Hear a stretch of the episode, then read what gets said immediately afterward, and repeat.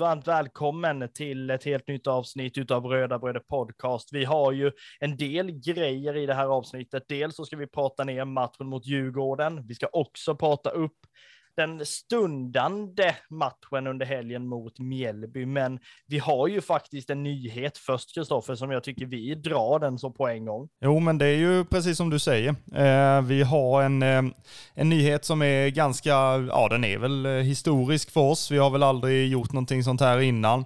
Eh, vi kommer nämligen att eh, släppa lite merch eh, och Eh, då är det ju två stycken eh, t-shirts vi börjar med. Eh, det här är ju i, i samarbete med Local Legends som har hjälpt oss med detta.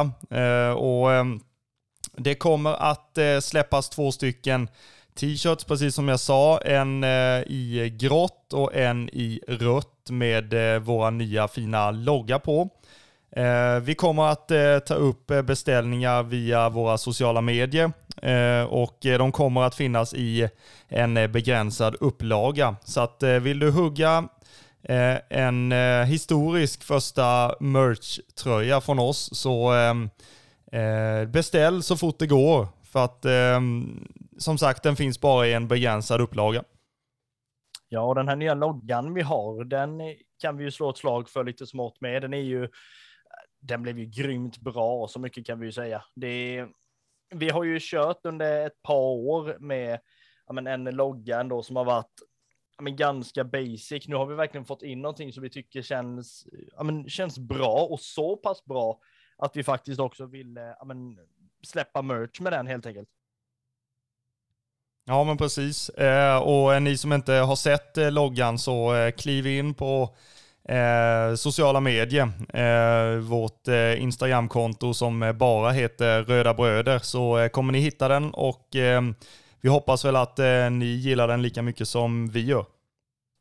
Ja men verkligen, och Andreas han smet ju in den i, eh, ja men eh, på, eh, där vi släpper podden helt enkelt, både på ja, men Apple Podcast och på Spotify ska ju loggan nu sitta. Han skickade ju ut den där också. Men i och med det så kan vi också då eh, pusha för våra sociala medier. Vi har ju som Kristoffer sa, eh, både Röda Brödes eh, officiella liksom, konton på både Instagram och Twitter. Sen har vi också konton för just podden. Så att gå jättegärna in och följ oss där. Ni kan ju också följa podcasten på både Spotify och på Apple Podcaster. Så vi rullar väl igång veckans avsnitt.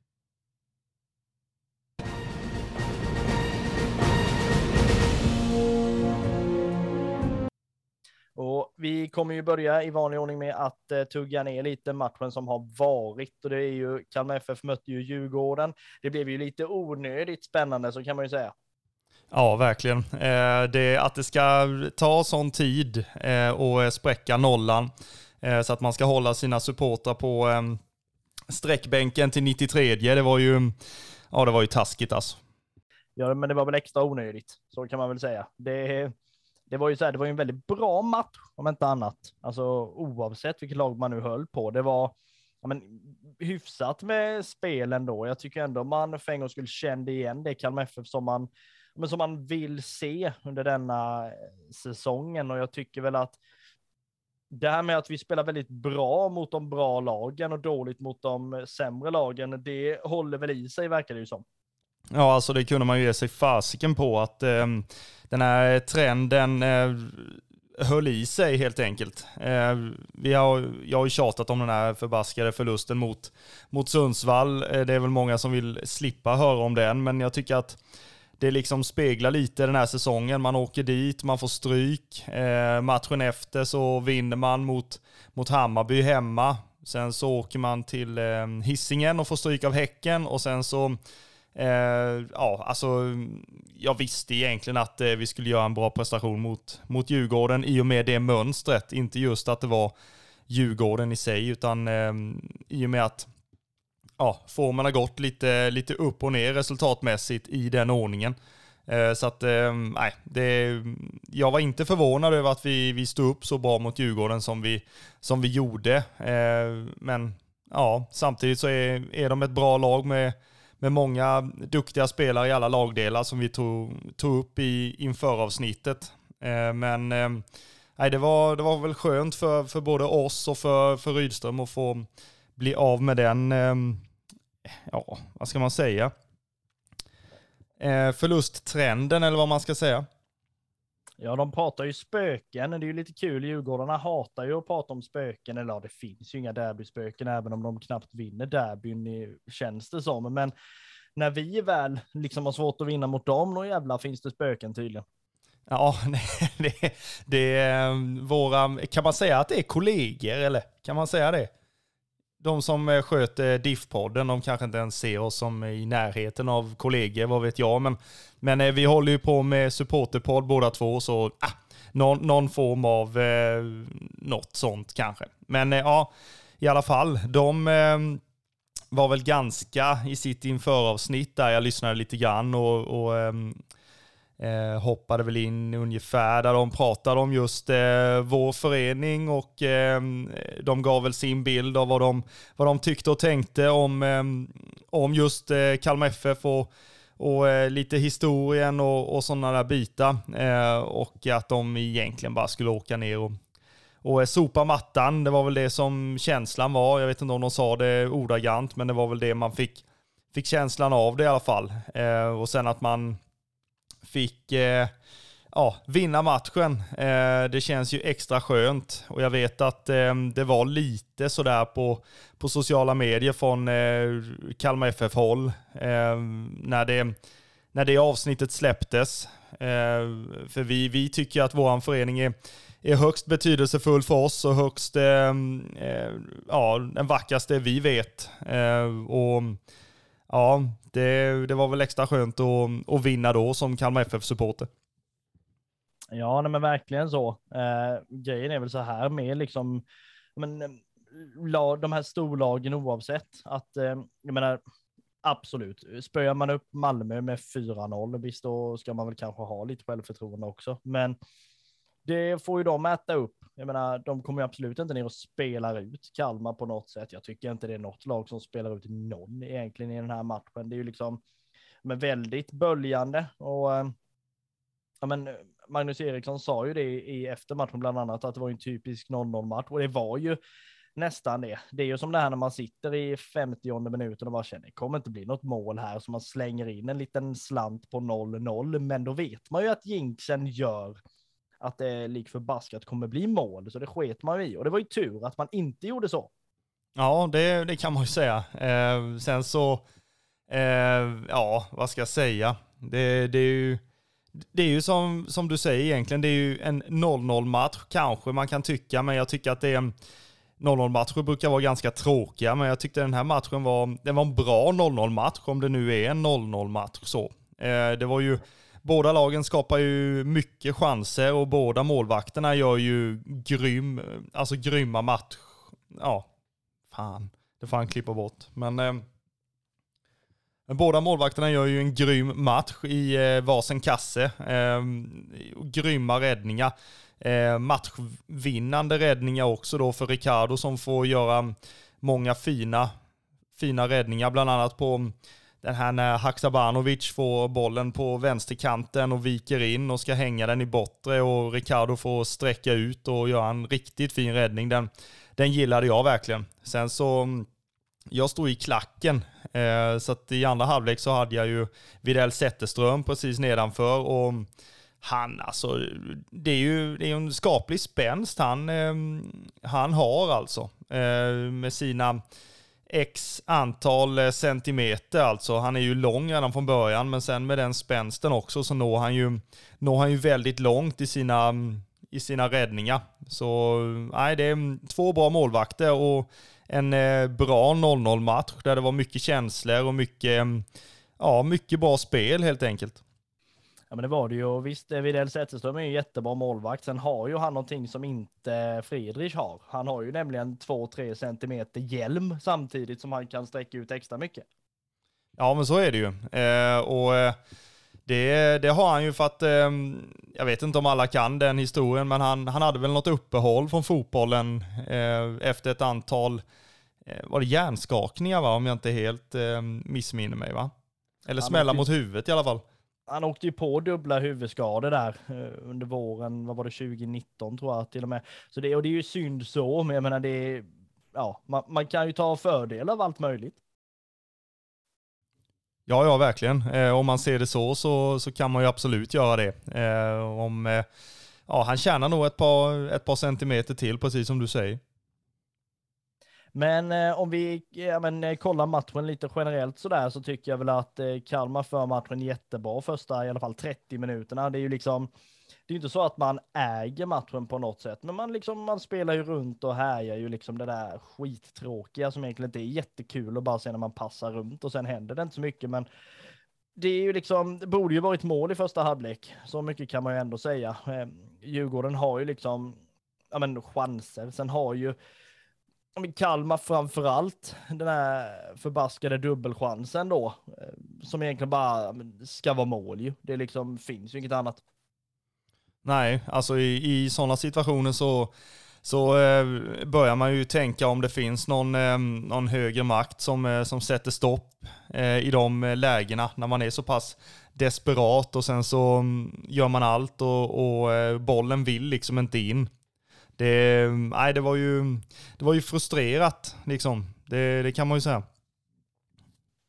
Ja, nej, men verkligen. Sen eh, är det väl liksom som så här, andra halvlek Djurgården tar ju över och de, det är klart att de gasar på, de är inte nöjda överhuvudtaget. Det är liksom, eh, ja men vid halvtid där liksom. De, har de liksom åkt ner för att bara meja ner de här jävla bönderna då liksom, och de, det står 0-0, det är klart att de inte är nöjda, det ska ju bara gasas på liksom. Och det, tycker jag väl ändå att eh, ja, men de gör. Liksom. Sen Ricardo står ju där i vägen och liksom han, han, han gör ju det bra. Sen känns det väl som att vissa lag, eh, eller i vissa sporter ska jag säga, har man möjlighet att ta timeout när man vill i princip under matchtid.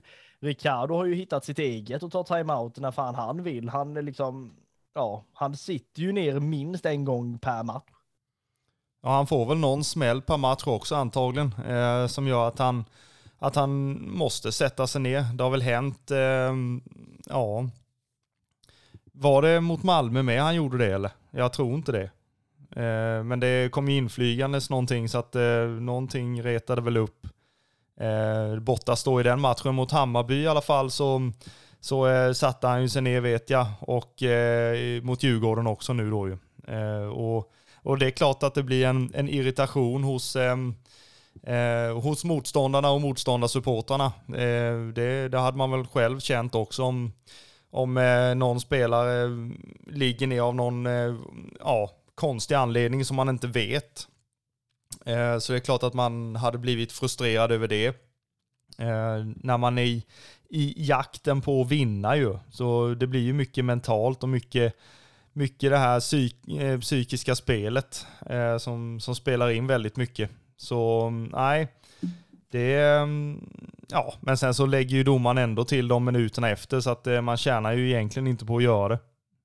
Nej, men det är ju som du säger, den här liksom, lite frustrationen med. Jag menar framför allt om det är någon spelare du redan har, men lite den här aggressionen till. Alltså, ja, men tänk Martin Olsson Malmö eller vem, ja, vem man nu kan ha i Djurgården, halva laget höll jag på att säga, men alltså någon som får liksom kramp i 60 plötsligt och bara, men du är för gammal, gå ut ungefär, eller byt ut i alla fall. Men jag menar, det är väl som du säger, det är ju det här psykiska spelet och jag menar det har väl Ricardo lyckats reta upp eh, ett antal då. Magnus Eriksson blev ju lagom irriterad över att han liksom det var ju återigen någonting som kastades in då ju. Det är ju hål i huvudet på sådana fortfarande. Men liksom just att han tyckte väl inte det var så himla farligt och bara, men det är ju bara att kasta den bakom mål och skicka iväg bollen egentligen. Det är väl liksom det. Men det, det är väl också så här, det är väl olika kulturer, alltså i, överhuvudtaget. Jag menar, det kanske inte är särskilt ovanligt att det skickas in grejer på planen när liksom Djurgården och vissa av de andra lagen spelar här.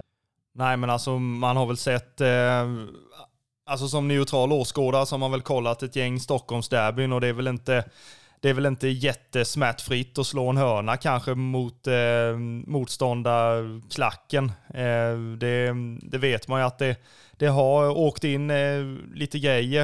Eh, och eh, nej, alltså det är ju som du säger, det är ju fortfarande hål i huvudet på, på sådana eh, som gör det och, och ens eh, tänk, alltså får tanken på, på att göra någonting sånt. Ehm, det står jag fortfarande fast vid, men eh, och sen att eh, Magnus Eriksson kanske tyckte att eh, nej, vi ska inte lägga så mycket tid på detta, eh, utan eh, ville få igång matchen istället. Eh, sen så var det väl lite likadant eh, när vi gör vårt mål och Ricardo vill göra den här eh, sedvanliga maxlöpningen upp mot eh, ja, firandet helt enkelt. Eh, jag ser inte situationen Eh, men eh, vad Ricardo beskriver i, i barometern så är det väl att han får en, en armbåge mot eh, revbenet och börjar då bli irriterad. Och sen så är det en, en situation där då mellan Ricardo och Magnus Eriksson och jag vet inte vem det är mer som står där, men det är någon, någon djurgårdare till. Och alltså, det är, det är ju det här mentala liksom. Ricardo vill ju springa över halva plan och fira med sitt lag. Eh, att man har gjort mål i slutminuterna när man har kämpat eh, ja, och, och, gjort sitt bästa eh, och få utdelning eh, på det. Och att eh, Lars Sätra får göra sitt, sitt eh, första allsvenska mål för, för Kalmar FF.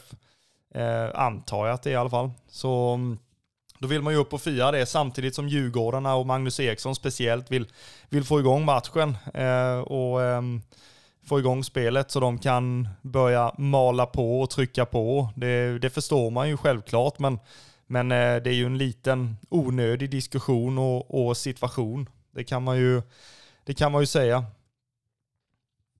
Ja, nej, men det är det ju. Sen är det väl liksom så här, jag menar, folk har väl lärt sig det snart, eller om inte annat får de väl göra det jag menar att Ricardo drar den här maxlöpningen, han skulle ju säkert göra det om vi gör mål i tionde också, liksom. det gör ju han. Men liksom det, det är väl ändå det där liksom lite så, man blir irriterad och förbannad och visst, det är klart det är en frustration när Djurgården släpper in mål i 93. Jag menar, var de inte nöjda från, från början med 0-0 i paus så är de definitivt inte nöjda med det heller, så det fattar man ju också. Men alltså Djurgården gör ju det ändå bra på andra sätt måste vi ju säga. Man stänger ju ner Oliver Berg extremt bra. Ja, men i, alltså, det är väl klart att han, han kanske inte kommer till de där mest solklara mm, chanserna i denna matchen, men samtidigt så, så är det ju han som slår hörnan eh, till eh, Lars Sätras avgörande mål. Eh, så att till slut så, ja, så fick de väl inte full koll på honom då i och för sig, men, men eh, det är klart att Oliver Berg, det är väl han man lägger, man lägger fokus på som eh, motståndare. Eh, inför matchen så, så var det väl Oliver Berg och Carl Gustafsson som man kunde se som något form av, av hot i vårt lag. Eh, resten var väl inte något att hänga i julgranen. De skulle inte ens ta en plats på eh, Djurgårdsbänken. Eh, och, eh, ja, och att eh, Ja, alltså då är, då är det extra skönt att, att vinna med ett sånt lag då, där det är laget som, som eh, vinner och inte beroende på vilka individuellt skickliga stjärnor du har. Um, som till exempel Djurgården har, där man uh, tycker att uh, man gör lite märkliga byten. Uh, och, och, det kan väl jag också tycka. Jag tänkte så här, när Edvardsen gick ut i, vad var det, 50, ja, 58 kanske? Eh, då, då börjar man ju tänka, jaha, var han så pass, var han så pass dålig? Eh, vem, ja.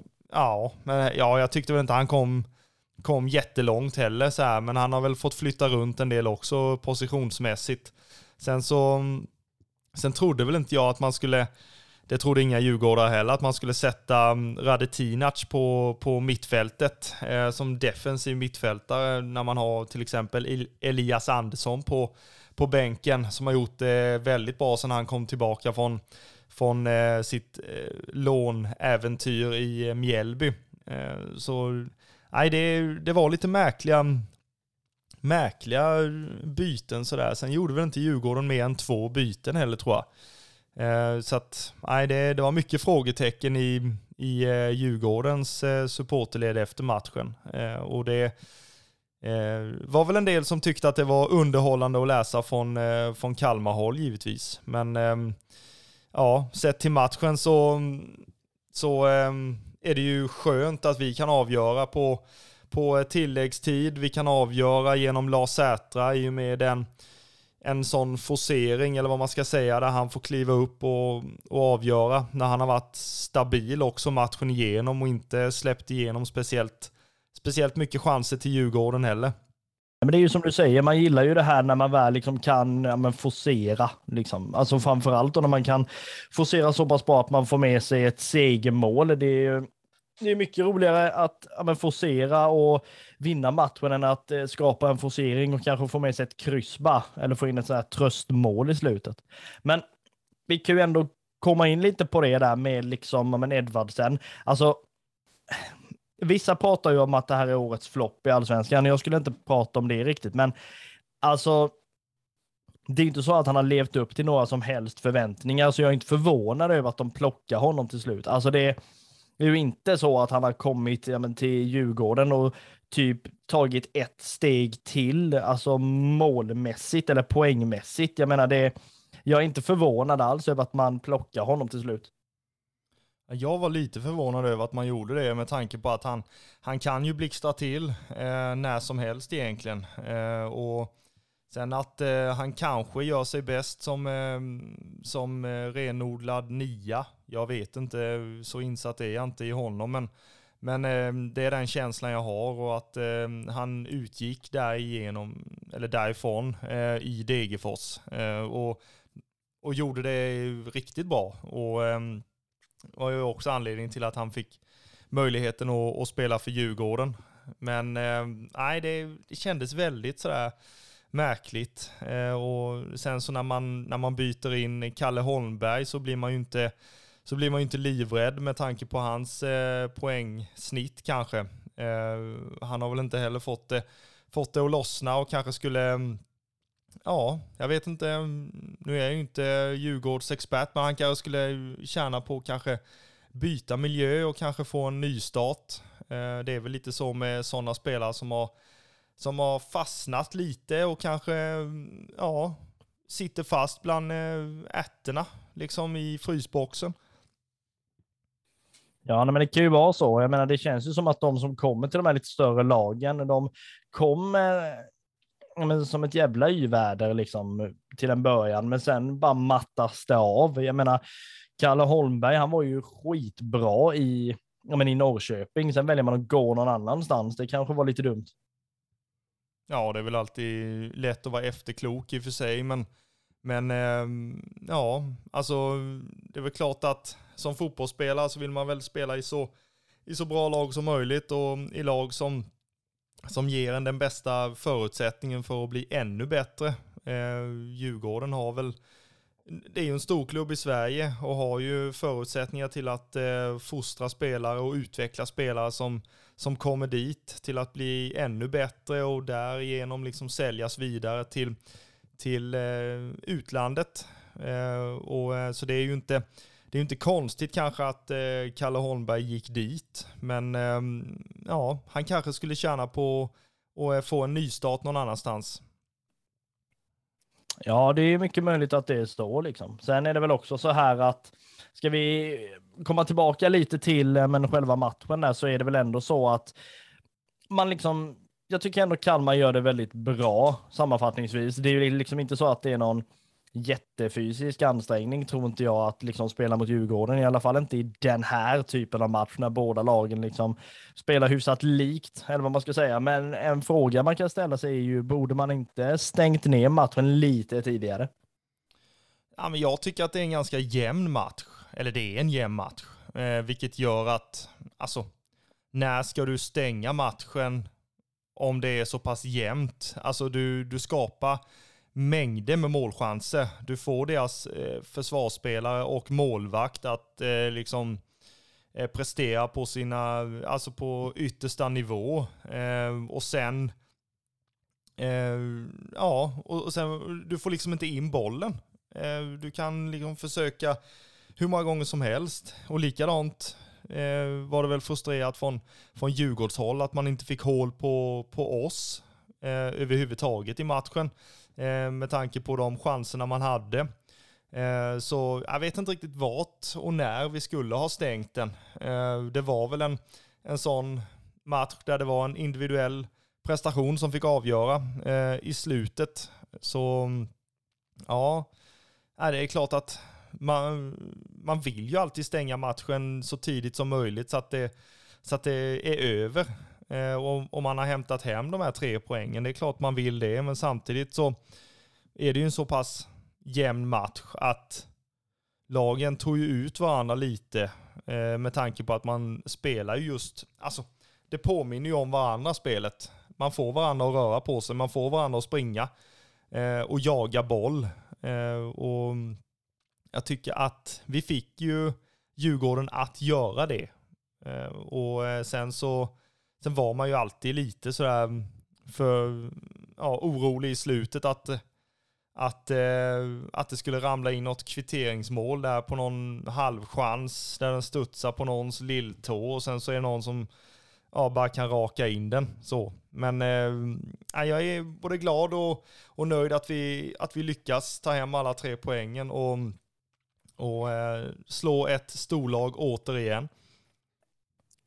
Ja, nej men verkligen. Och det, det kan man ju liksom sammanfatta det med att man man gör ju det väldigt bra. Jag tycker inte man, man ska liksom skämmas överhuvudtaget. Jag menar, gör Djurgården det inte bättre än att man liksom inte kan stänga matchen och inte kan liksom hålla det tätt i 94 eller vad det nu blev minuter, ja men då får man ju skylla sig själv att man faktiskt kommer ner och förlorar. Ja, alltså så är det väl överallt egentligen. Eh, men eh, jag tycker väl att vi, vi står upp väldigt bra. Eh, vi har ju haft problem i Djurgården innan. Ehm, och ehm, alltså fallit lite på det här fysiska spelet också som jag tycker är, är, är mycket, mycket bättre. Ehm, att vi verkligen står upp för varandra, man står upp i, i duellerna. Man tar det här skitjobbet eh, som behövs att göras, speciellt mot extra skickliga lag med extra skickliga spelare. Så uh, nej, det, det var mycket som, mycket som var positivt efter, efter matchen mot Djurgården. Ja, nej, men verkligen. Och eh, vi gör väl som sagt att vi fortsätter de positiva tongångarna genom att vi ska kolla matchens tre stjärnor.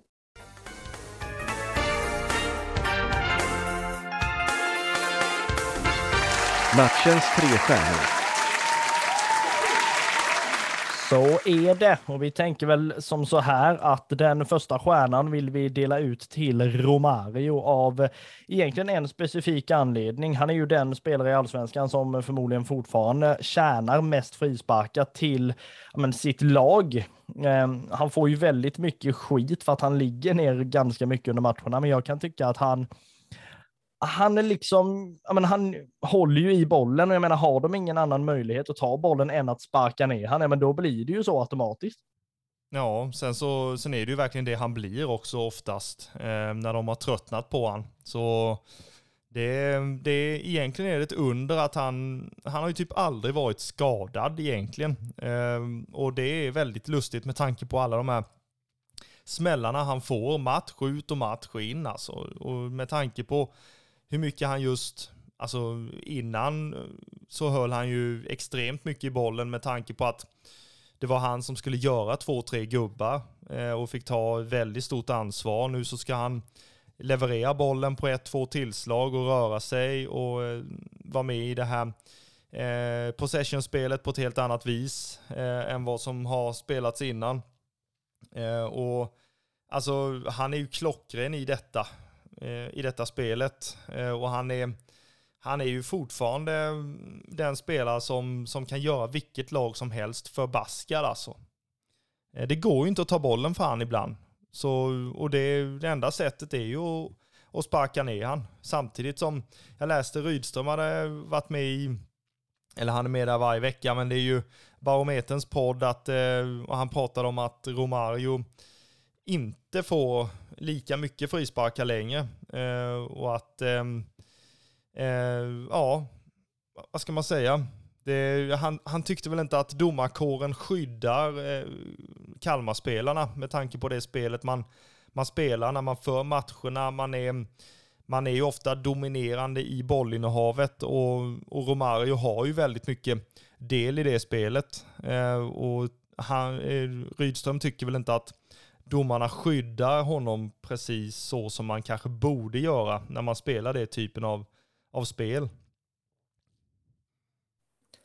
Nej, alltså, och så kan, så kan det ju mycket möjligt vara också. Alltså jag, jag har ju liksom ja, men inga problem med att vi får frisparkar. Det tycker jag absolut vi kan, vi kan få, liksom, så länge de resulterar i mål i slutändan. Men, ja, men det är väl lite så att vissa spelare kanske man inte blåser till, eller fördel till, eller vad man nu ska säga, just på grund av att man vet att de här kanske ligger lite ofta. Alltså det är ju ofta så med vissa Alltså spelare som spelar ganska fult, att kliver de in i en situation så blir det gult kort fortare än om det är en annan spelare som kliver in som inte brukar vara med i liksom den boken, eller vad man ska säga. Men nej, det, det är väl ändå så här, han gör ju det så pass bra med tanke på de förutsättningarna han får när de sparkar ner han. Så en stjärna är ju liksom verkligen det han är värd i denna matchen. Den som får två stjärnor är ju den killen som nästan har prenumererat på den här listan med all rätt kan jag säga. Ricardo får ju återigen två stjärnor.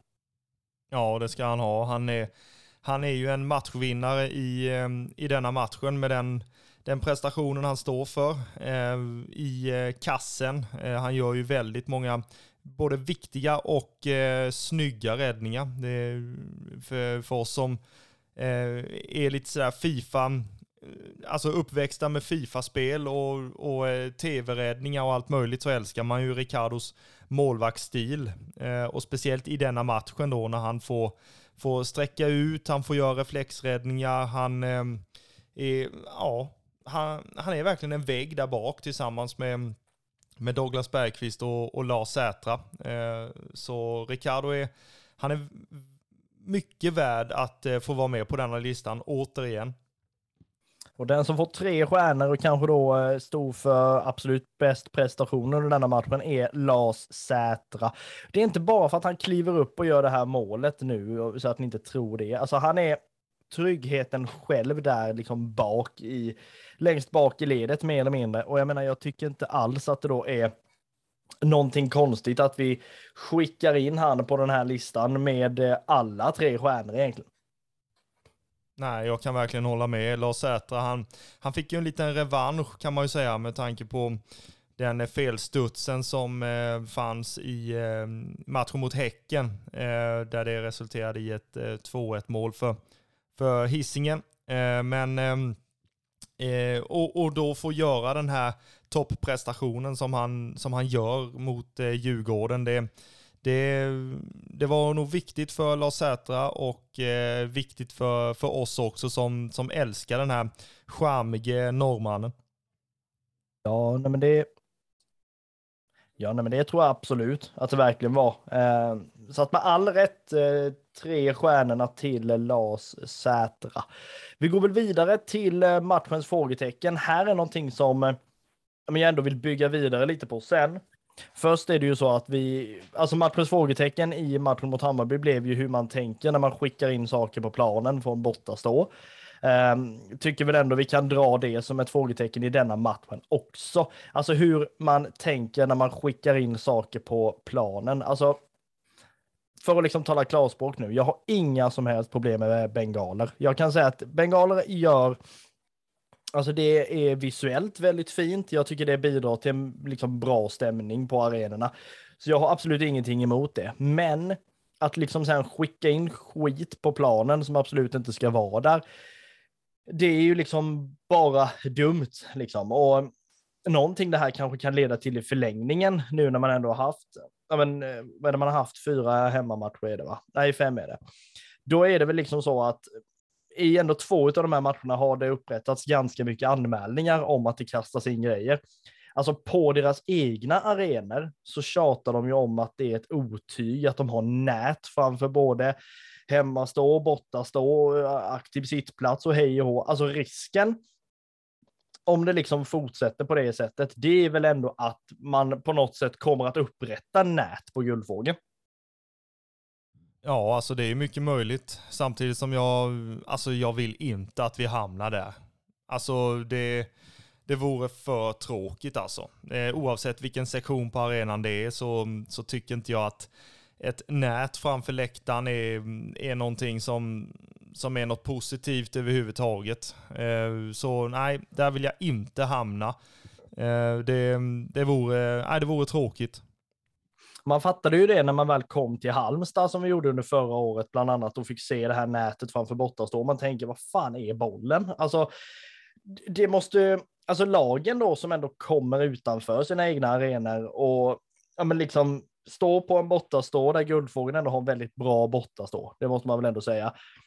De som för en gångs skull får se en fotbollsmatch utan det här förbaskade nätet, nej men ska de då se till att de bara får ha nät i fortsättningen också då? De, de sprider ju inget bra rykte om sig själva på bortaplan när det liksom är, alltså de som förespråkar nät och att man ska bura in supportrar, jag menar det, de får ju bara jättemycket vatten på kvarnen när man liksom pajasar ner sig som man faktiskt gör. Ja, samtidigt som man, eh, man vill hylla de, de lagen som har, som har varit på, på Guldfågeln eh, på bortastå. De, de, de har ju skapat en, en fin fotbollsstämning eh, förutom de här då med hål i huvudet som, som kastar in grejer. Så, så finns det ju, majoriteten är ju väldigt skötsamma och skapar en, en fin fotbollsupplevelse för de som, för de som är på arenan eh, oavsett vilket vilket lag man håller på. Självklart om man håller på Kalmar FF så, så vill man ju ha en rödvit stämning så, så långt det bara går. Eh, men eh, när det kommer motståndarklackar som eh, bidrar till en, till en fin fotbollsstämning så, så vill man ju inte ha det här negativa med att det kastas in grejer som får ja, som du säger, de här experterna som, som helst av allt inte vill att det ska finnas ståplatspublik på, i svensk fotboll. De får ju bara vatten på sin kvarn. Och det, det vore för tråkigt om vi ska om de ska få mer inflytande och mer poäng liksom. Det, nej, det vore riktigt illa. Ja, det är ju liksom så. Jag menar, nu har inte jag världens största men, insyn i hur liksom eh, det brukar se ut. Jag menar, det kanske är anmälningar ibland och sånt där ändå. Det har, så är ju mycket möjligt. Men samtidigt är det ju så att Kalmarklacken sköter det ju liksom exemplariskt mestadels. Det måste man ju ändå säga. Jag har inte varit med de gångerna jag har stått att det har skickats in grejer, eller i alla fall inte vad man har sett. Men det är ju liksom så här, det, det, blir väl så. Alltså nu kommer det väl inte bli nät på Guldfågeln, för man kommer väl kämpa med näbbar och klor för att det inte ska bli det. Men liksom risken kanske finns om de här liksom mupparna fortsätter hålla på. Men det är, de får väl skylla sig själva. Det är ju därför de liksom har nät på sina hemmaarenor, för att de tydligen inte kan eh, kolla på fotboll utan nät då, om man nu ska vara sån.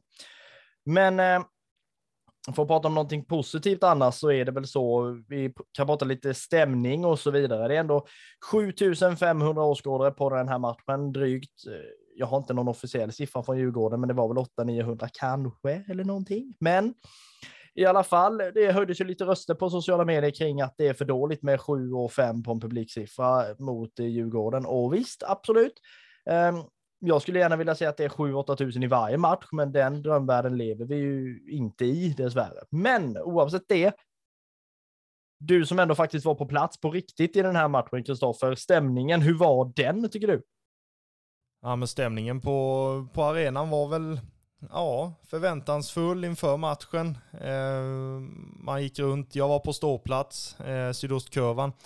Eh, och innan matchen så fick man ju träffa en, en del gamla, vad ska man säga, eh, legender. Eh, och eh, prata, prata upp matchen och, och eh, förväntningar och lite annat sånt. Eh, sen tycker jag väl att, eh, ja, alltså man har hyllat sydostkurvan i nästan hela säsongen. Eh, denna matchen tycker jag väl inte helt att man kommer upp i, i, eh, i den nivån man är, man är van. Eh, det är bara känsla jag har och det kan ju bero på att de matcherna man har suttit på långsidan eh, på press då till exempel, så då, då blir det helt annat, helt annat ljud än vad det kanske blir när man står mitt, mitt i eh, ståplatsen. Eh, då har man kanske inte samma uppfattning om hur, hur mycket vi hörs, hur mycket liksom sådär. Men det, ja, det, samtidigt så är det ingen dålig läktarinsats eh, överhuvudtaget. Men jag vet att eh, eh Capon eh, några gånger fick eh, eh, tagga igång eh, eh, klacken eh, så att man, man kom upp på en, en, eh, en bra nivå igen.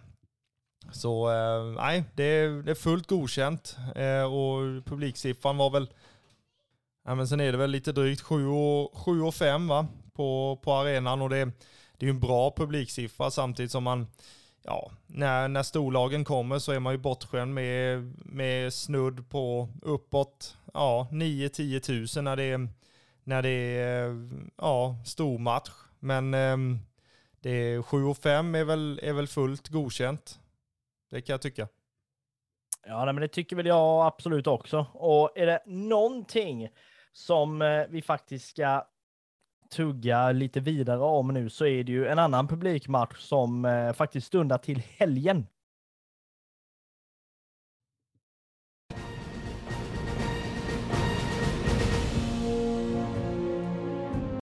Vi är denna vecka, precis som så många andra, sponsrade av våra vänner borta på Local Legends. Eh, de trycker ju tröjor till de eh, legender som de tycker förtjänar en sån tröja.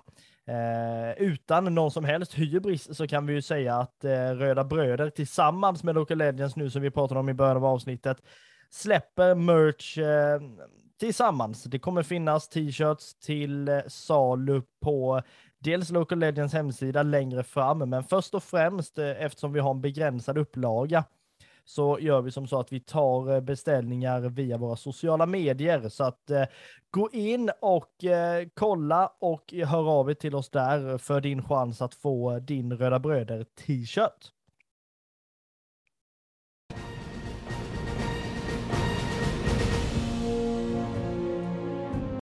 I vanlig ordning så vill jag samtidigt slå ett slag för boken Från pappas knä till pressläktaren. Det är fjärde bokhandeln som nu har klivit på tåget. Det är Akademibokhandeln i Kristianstad, hör och häpna, som har eh, faktiskt velat eh, plocka in den här boken efter eh, efterfrågan, som det heter. Eh, det är så, de här böckerna går åt eh, ganska så ordentligt, så eh, vill du vara säker på att få tag i ditt exemplar av den här unika faktiskt supporterboken till Kalmar FF så hör av dig på mkwriting1 at outlook.com eller kolla in Kalmar FFs shop när du väl ska dit och köpa dina biljetter.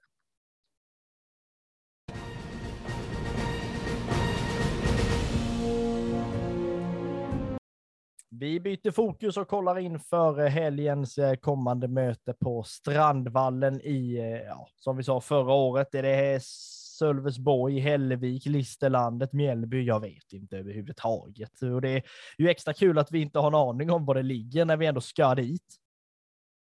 Ja, det kan man ju tycka att man borde ha någon form av, av koll. Eh, vi, jag vet inte om de som känner oss eh, ganska nära inpå och sådär, mm, ja, vi, de kanske kan eh, understryka att vi kanske inte har, har full koll på allt. Eh, och eh, då är det väl inte konstigt att vi inte vet exakt var, ehm, var Strandvallen ligger, om det ligger i ja, de eh, ställena som du, som du eh, räknade upp där. Men, men eh, det jag har fått lära mig i alla fall, det är att den här föreningen då bildades 1939 och då var det just eh, de här två klubbarna, Listes IF och Hälleviks IF. Så någonstans Liste, Hällevik, ja, det är väl där egentligen som man, som man eh, kan placera dem på, på kartan. Eh, de här två klubbarna blev Mjällby AIF då 1939.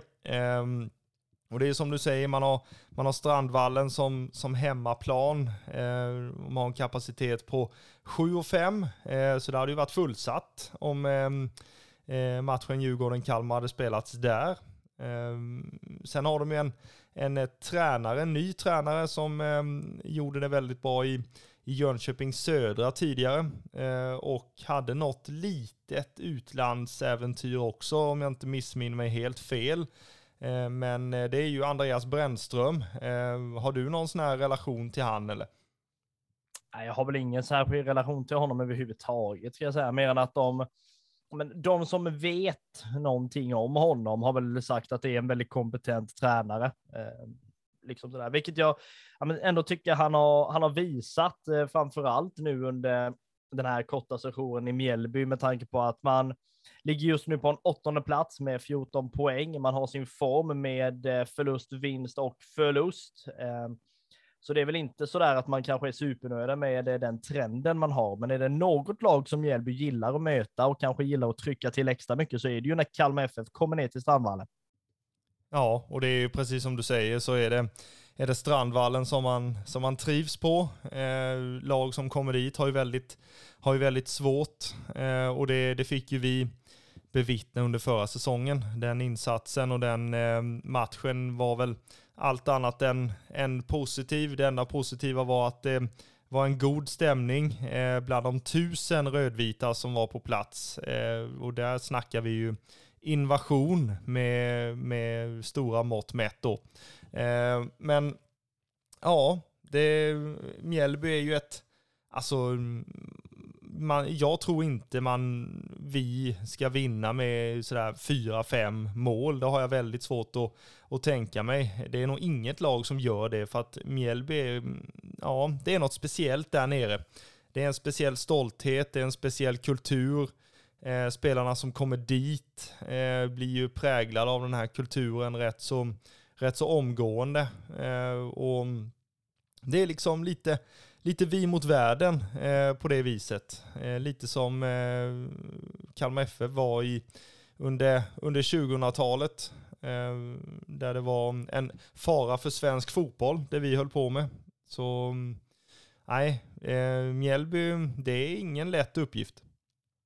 Nej, det är det ju verkligen inte. Ehm, och eh, är det så att vi kanske ska slå ett slag redan nu för att man ska boka in sig på eh, supportunionens resa ner till Mjällby? Man håller på att fylla den tredje bussen och man vet ju även att eh, falangerna runt om har ju ordnat egna sätt att ta sig dit, bland annat eh, ja, vad är det, Skåne har ju tagit eh, en taktpinne och liksom fyllt någon form av färdmedel dit. Eh, likadant så är det ju som jag sa, det är i alla fall tre bussar på gång. Nu har man ju, man hade ju ambitionen att man skulle liksom slå det här eh, i, ja, men som man hade förra året med dryga tusen Kalmar-supportrar. Nu kan man ju göra det förmodligen också, men inte på ståplatsen med tanke på att de har reducerat ner den från 800 till eh, 600. Men den kan man väl förhoppningsvis fylla. Ja, men det är ju upp till eh, alla Kalmarbor och eh, Kalmar FF-supportrar att, att göra jobbet här nu sista dagarna. Jag vet att deadline för bussbokningarna låg väl torsdag 11.00 tror jag. Så att lyckas man inte få få en plats i någon av bussarna så, så får man ju åka ner via andra färdmedel, till exempel bil då. Ehm, men ehm, för det är alltså tusen personer går ju fortfarande att slå oavsett eh, hur många bussar det är som åker dit. Ehm, så nej, det, och, och sen ståplatsen, om den bara är 600, då får vi väl fylla lite sittplatser också. Ja, nej men verkligen. Och det är, alltså, oavsett eh, liksom, hur mycket folk det kommer ner så kommer det bli en intressant match om inte annat. Eh, bland annat är det ju så att vi eh, har valt ut en fokusspelare i eh, Mjällby till denna matchen och eh, det är ju faktiskt så att det är en, en spelare vars pappa man känner extremt mycket igen. Så är det. Eh, och det är ju, hör och häpna, eh, så är det Otto Lillbagan Rosengren som vi har valt som fokusspelare till matchen mot Mjällby. Eh, det är ju en tydlig Kalmar FF-koppling där som är, som är glädjande. Eh, bara man tänker på, på Bagan, Rosengren, så, så blir man ju lycklig. Eh, det, är ju, det är ju som sagt eh, sonen till Patrik Bagan Rosengren som, som spelade hos oss eh, mellan åren 2002 och 2008. Eh, fick ju kröna den tiden med ett SM-guld. Eh, Otto däremot då, eh, sonen är ju en, en mittfältare till skillnad från, sin eh, mittbacks eh, pappa då helt enkelt. Eh, Otto tror man väldigt mycket på i Mjällby. Eh, flyttade upp han i A-truppen under säsongen 2021 eh, och nu sist i matchen mot Sundsvall där det blev förlust med 2-0 eh, så spelade han på eh, mittfältet eh, från start, eh, inne mittfältet. Så mm, det är ju en, eh, en spelare som eh, man eh, både får se upp med men samtidigt Samtidigt som man får vara glad att Rosengren-släkten när det kommer till fotboll lever vidare. Ja, nej men verkligen så. Ehm, det är väl ändå trevligt att de gamla guldhjältarna liksom ja, men, lyckas få, bra fra, få, få fram bra fotbollsspelare även efter sina karriärer, om man nu ska säga så. Eh, kollar vi senaste matchen mellan Kalmar FF och Mjällby så var ju den på Guldfågeln 2021 eh, när vi var filmade för övrigt. Det klippet finns ju om ni går in och söker på Röda Bröder på Youtube så kommer ni se oss där. Ehm, där vi blev följda, eller vad man ska säga, under en helg, eh, matchhelg, bland annat. Oliver Berg satte ju 1-0 som blev slutresultatet också. Vi vänder väl eh, helt enkelt eh, fokuset mot Kalmar FF, där vi har valt fokusspelaren eh, Rasmus Sjöstedt. Rasmus Sjöstedt, han gjorde ju en riktigt fin säsong 2021 eh, tillsammans med Lars Sätra i eh, mittbackslåset. Eh, han har väl haft det lite knackigare 2022. Det kan ju ha lite också att göra med att eh, den här konkurrensen när det kommer till en, en fyrbackslinje har ju tajtat till sig ganska rejält med tanke på att eh, både Lars Sätra, Rasmus Sjöstedt och eh, Douglas Bergqvist är ju är ju tänkta start, startspelare och vill man inte spela den här fembackslinjen så är det ju svårt att stoppa in de här eh, från start alla tre. Nu lyckades man med det ändå med tanke på att Ehm, Rasmus Sjöstedt fick eh, agera högerback eh, då Lindahl inte var eh, fullt eh, tillgänglig för spel. Eh, han fanns ju på, på bänken eh, men eh, fick ju aldrig, aldrig hoppa in. Men ehm, Rasmus Sjöstedt är ju en, är en lagspelare som, som inte syns speciellt mycket, men han gör ett väldigt stort och eh, fint jobb i det, i det tysta. Eh, och han stod ju för en, en eh, fin insats i matchen mot eh, Djurgården. Ja, nej, men verkligen så. Ehm, det är ju liksom trygghet som vi har sagt innan, längst bak i ledet mer eller mindre. Ehm, och om vi ska kolla lite startelva inför helgen, nu kan det ju hända mycket eftersom att det här är onsdag kväll. Men eh, om man kan gissa sig till en startelva med en eh, 4-3-3-uppställning så kanske den kan se ut så här med Friedrich i mål med Rasmus Sjöstedt, Douglas Bergqvist, Lars Sätra och eh, David Olafsson. Mittfält med Romario, Carl Gustafsson, Nahom Netabay, ett anfall med Noah Shamoun, Oliver Berg och Isak Jansson. Jag tycker ändå den känns ganska så legit, va? Så, eh, alltså jag håller med dig. Ehm, och jag tror väl att, ja, möjligtvis att Lindahl kliver in från start. Jag vet inte riktigt hur. Han, han eh, pratade väl med, med barometern och sa att han var, att han var fullt tillgänglig nu. Eh, sen är ju frågan om man, om man väljer att starta han eller om han ska hoppa in. Eh, jag tror på det sistnämnda, att man får, att man får se ett inhopp i andra halvlek eh, när man kanske behöver sätta ny fart på, eh, på högerkanten. Eh, samtidigt så är det mycket möjligt att man ger Skrabb återigen eh, speltid. Eh, han fick hoppa in om det var sista, sista 20 mot Djurgården. Och där har vi ju har vi ju Noah Chamoun i våran startelva här. Eh, så att det är väl den, den platsen i så fall som, som Skrabb kommer att spela på. Eh, från start eller hoppa in, det är lite samma som med, som med Lindahl där. Ehm, jag vet inte, känner du likadant eller mm, kör du Skrabb från start? Nej, det hade jag ju absolut inte gjort. Jag tycker han ändå kom in bra i liksom matchen. Sen är han väl inte fit for fight 90 minuter och då ska man väl ta det ganska så försiktigt. Annars vet man ju att det kan ju slå tillbaka på en ganska så rejält. Så jag hade ju absolut inte kört han från start.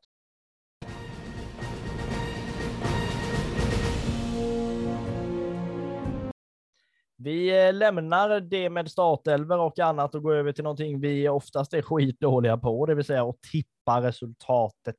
Ehm, jag tänker att jag inleder denna gången genom att eh, jag tror att det kan bli ändå lite målkalas där nere. Nu blev det ju inte det i förra matchen, ehm, när vi var på Guldfågeln i alla fall. När vi däremot var nere på Strandvallen så eh, förlorade man ju med klara 0-4, eller 4-0 blev det ju då för de var hemmalag. Det måste man ju ändå ge dem att vi var ju inte nära någonstans överhuvudtaget. Men jag tror faktiskt att det blir fyra mål även i denna matchen, men att de fördelas lika. Det kommer nämligen att sluta 2-2 denna matchen.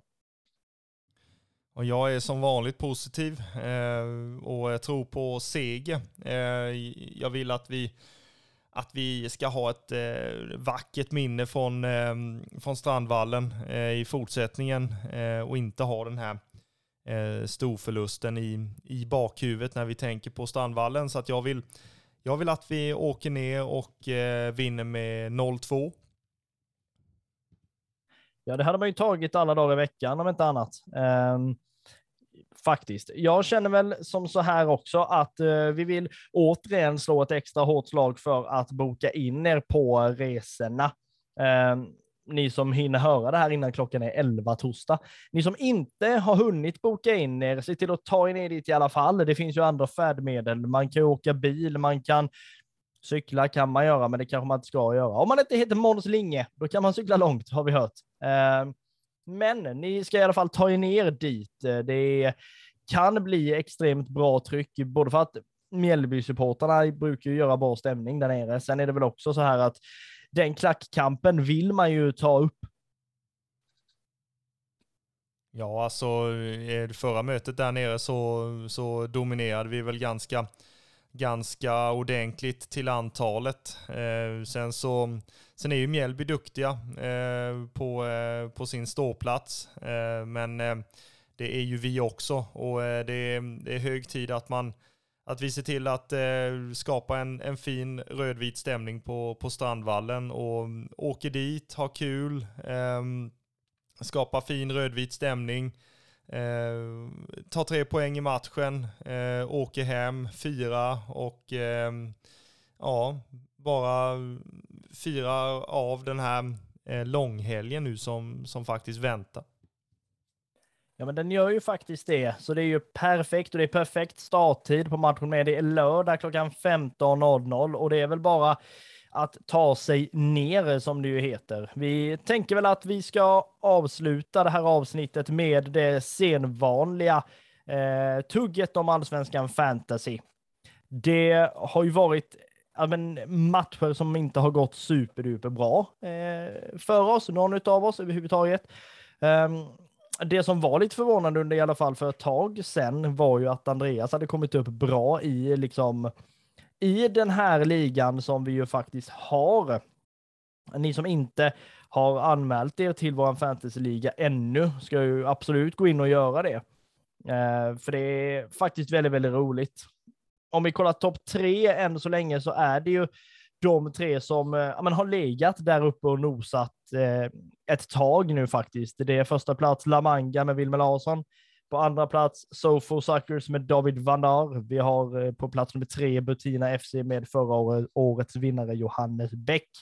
Kollar vi lite kring hur eh, vi ligger till så är det väl som så att jag leder mellan bröderna på 26 plats, medan Andreas ligger på 29 plats och Kristoffer ligger på 33. Vad kommenterar vi det med? Eh, och där tackar vi alla lyssnare för detta avsnittet. Nej, men eh, det är väl ingen, det är väl ingen rolig läsning eh, direkt så. Tittar man på mitt lag så är det väl många spelare som, som underpresterat i denna omgången och står på Ja, alltså jag har fyra spelare på ett poäng. Alltså jag vet inte hur, hur långt man kan komma då. Ehm, det sker ju lite rokader inför, inför stundande omgång eh, med all rätt också med tanke på att ja, jag är så pass besviken på mina spelare. Ehm, så ehm, det, nej, det, var, det var välbehövligt. Du som är så stolt och glad, du lär väl inte ha, ha fått ändra speciellt mycket? Nej, inte särskilt mycket. eh, faktiskt. Jag lär väl inte ändra så mycket längre fram ändå. Eh, jag brukar ibland vara ganska så slarvig så här och så kommer man på i mitten av första halvlek på första matchen att just det, den kan man kanske skulle kollat sin fantasy, men det blev inte så. Eh, men oavsett, anmäl er in på våran eh, liga, ni som inte är med där. Det är faktiskt ganska roligt. Det ger en helt ny dimension till när man sitter och kollar skitmatcher som Sundsvall, Mjällby till exempel. För eh, helt plötsligt så blir den ganska så intressant när man har en spelare som kanske kan göra ett mål eller en målvakt som kanske ska hålla nollan. Eh, så gå gärna in där och kolla på det så blir vi absolut eh, fler.